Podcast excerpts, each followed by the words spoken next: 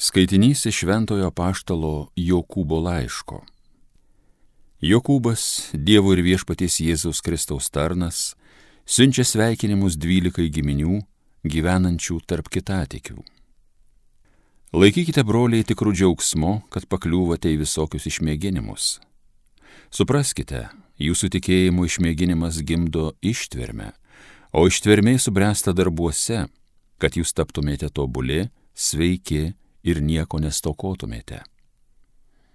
Jei kuriam jūsų trūksta išminties, te prašo Dievą, kuris visiems gausiai duoda ir nepriekaištauja, ir jam bus suteikta.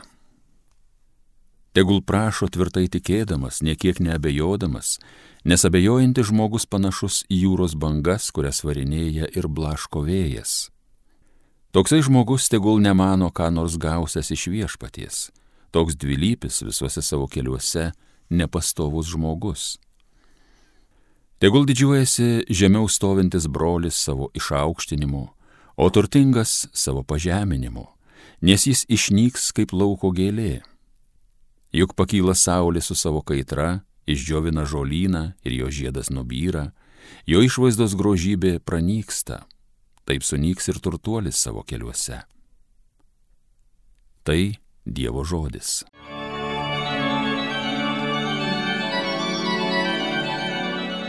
Viešpatie būgailestingas ir ašai gyvensiu.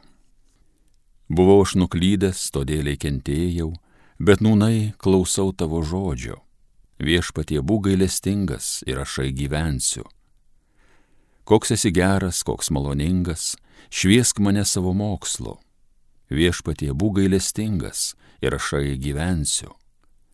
Naudinga man pakentėti, kad tavo potvarkių tiesą suprasčiau. Viešpatie, būk gailestingas ir ašai gyvensiu. Man tavo paskelbtas teisynas, didelis turtas, brangesnis už auksą sidabrą. Viešpatie, būk gailestingas ir ašai gyvensiu. Žinau viešpatie, jog teisūs tavo sprendimai, mane tu teisingai prispaudėjai viešpatie, būk gailestingas ir ašai gyvensiu. Tavo gerumas ir mane te paguodžia, kaip esi savo tarnui žadėjęs. Viešpatie, būk gailestingas ir ašai gyvensiu. Alleluja.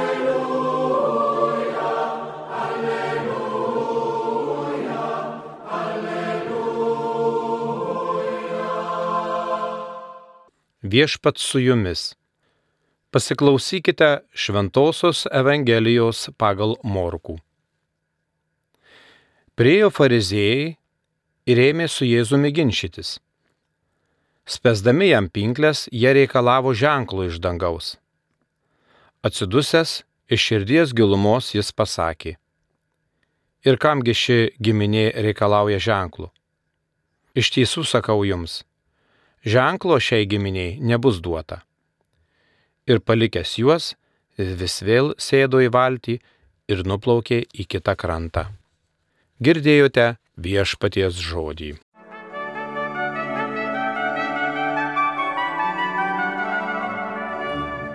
Mėly Marijos radio klausytojai.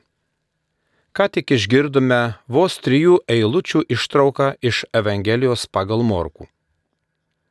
Šioje Evangelijoje aprašyti įvykiai vystosi greitai, kaip ir mūsų gyvenimai. Tik aštuntas skyrius, o jau pakviesti pirmieji mokiniai, Jėzus keliauja po visą galėjos kraštą, gydo ligonius, iš nepagydomų lygų, iš demonų apsėstųjų išvarinėja demonus, netgi prikelia iš numirusių. Garsas apie jį buvo taip plačiai pasklidęs, kad kur tik jis pasirodydavo, inkandin sekė gausios minios, ne tik iš Galilėjos, taip pat iš Judėjos, Jeruzalės, Ildumėjos ir iš Anapus Jordano bei Tyro, iš Sidono šalies. Ir kur Jėzus užeidavo į kaimus, miestus ar vienkėmius, žmonės aikštėse guldydavo ligonius ir maldavo jį, kad leistų jiems palitėti bent drabužio apvadą. Ir kas jį paliesdavo, išgydavo. Taip skaitome Morkaus Evangelijoje. Jėzus ne tik gydė, bet ir mokė. Žmonės stebėjusi jo mokslu, nes jis mokė kaip turintis galę, o ne kaip raštų aiškintojai. Morkaus Evangelija. Taigi buvo akivaizdu, kad Jėzus išskirtinė asmenybė, turintis ypatingų nežemiškų galių. Tačiau fariziejai, žydų tikinčiųjų elitas nenorėjo tuo patikėti. Jiems per maža buvo to, ką matė Jėzų darant, kad įtikėtų, jog jis yra Dievo pateptasis, mesijas, kaip apie save skelbė pats Jėzus. Taigi ir šiandien ką tik išgirdome ištraukoje veiksmą. Vyksta iškart po antrojo duonos padauginimo stebuklo.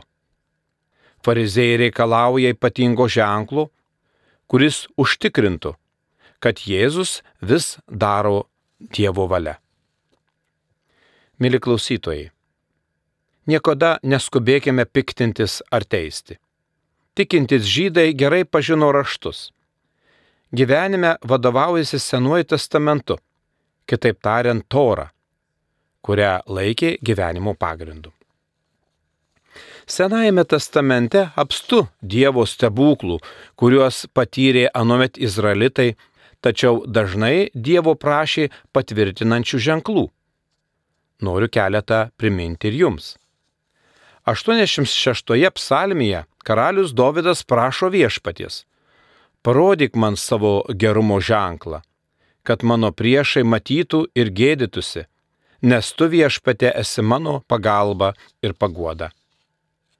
Teisėjų knygoje įspūdingai aprašomas Gedeono pašaukimas būti teisėjų ir tai, kad per jį bus nugalėti midieniečiai, kurie nuolat puolė Izraelį.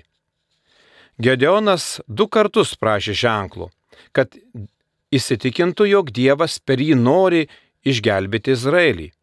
Pirmą kartą padėjo nukirptą Vilną, klojime ant aslos ir Dievui tarė.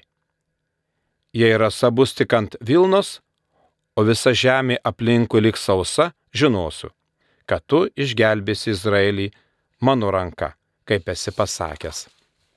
Taip ir įvyko. Tačiau Gedeonui tai to buvo per maža ir jis antrą kartą kreipėsi į Dievą. Prašau leisk man daryti dar sįki, bandyti su Vilnomis. Te būna sausos tik Vilnos, o visur ant žemės te būna rasa. Ta naktį Dievas taip ir padarė. Tik tuomet Gedeonas pakluso viešpačiui. O Danieliaus knygoje skaitome, karalius Nebukadecaras sakė visų kalbų tautoms ir giminėms, kurios gyvena visoje žemėje. Ramybė te padaugėja jums. Manau gerai yra paskelbti ženklus ir stebuklus, kuriuos aukščiausias Dievas man parodė. Jo ženklai didingi, jo stebuklai galingi, jo karalystė amžina ir jo valdžia nesibaigianti. Tai tik keletas pavyzdžių. Juk ne vieną galim atnešti iš išeimos karalių pranašų ir kitose knygose aprašytų įvykių. Taigi Jėzaus dienomis izraelitai nemastė taip, kaip mąstė Dievas. Jie atstumė Jėzų todėl, kad jis netitiko jų įsivaizdavimu, koks turi būti mesijas. Jėzų jie laikė pavojingų eretikų, todėl nuolat ieškojo dinkties, kaip prisikabinti, kad galėtų suimti, apkaltinti Jėzų ir nužudyti. Atvirai sakant, Jėzus nepateisino ir mokinių lūkesčių, nors mokiniai trys metus buvo kartu. Matė daug stebuklų ir ženklų. Vis dėlto jie visiškai nesuprato Jėzaus meilės, didybės ir to, ką jis buvo pasiruošęs padaryti, kad atpirktų žmoniją. Štai kodėl lemiamų momentų mokiniai apleido Jėzų ir įsibėgėjo kas savo. O kaip yra šiandien? Ar mes tikime, kad Jėzus ir dabar galingai veikia. Iš asmeninės patirties žinau, kad net labiausiai tikinčio žmogaus širdyje gimsta abejonės ir nepasitikėjimo daigeliai. Ir jei žmogus leidžia jiems bujoti, tai gali privesti prie gyvenimo katastrofos.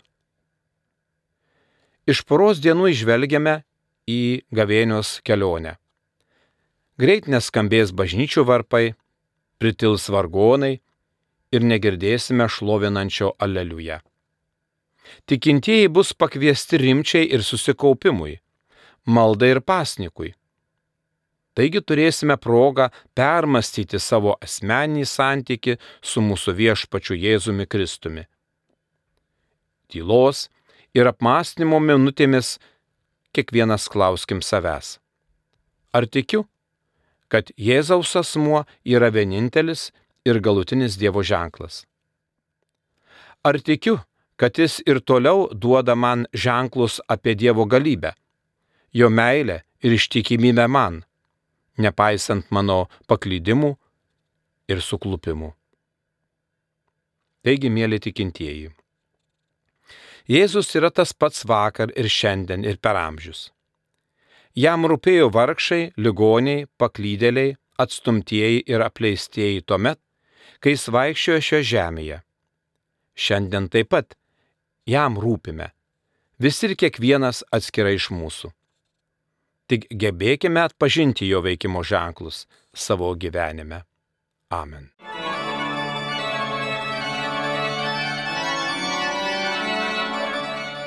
Homilija sakė monsinjoras Vytautas Grigaravičius.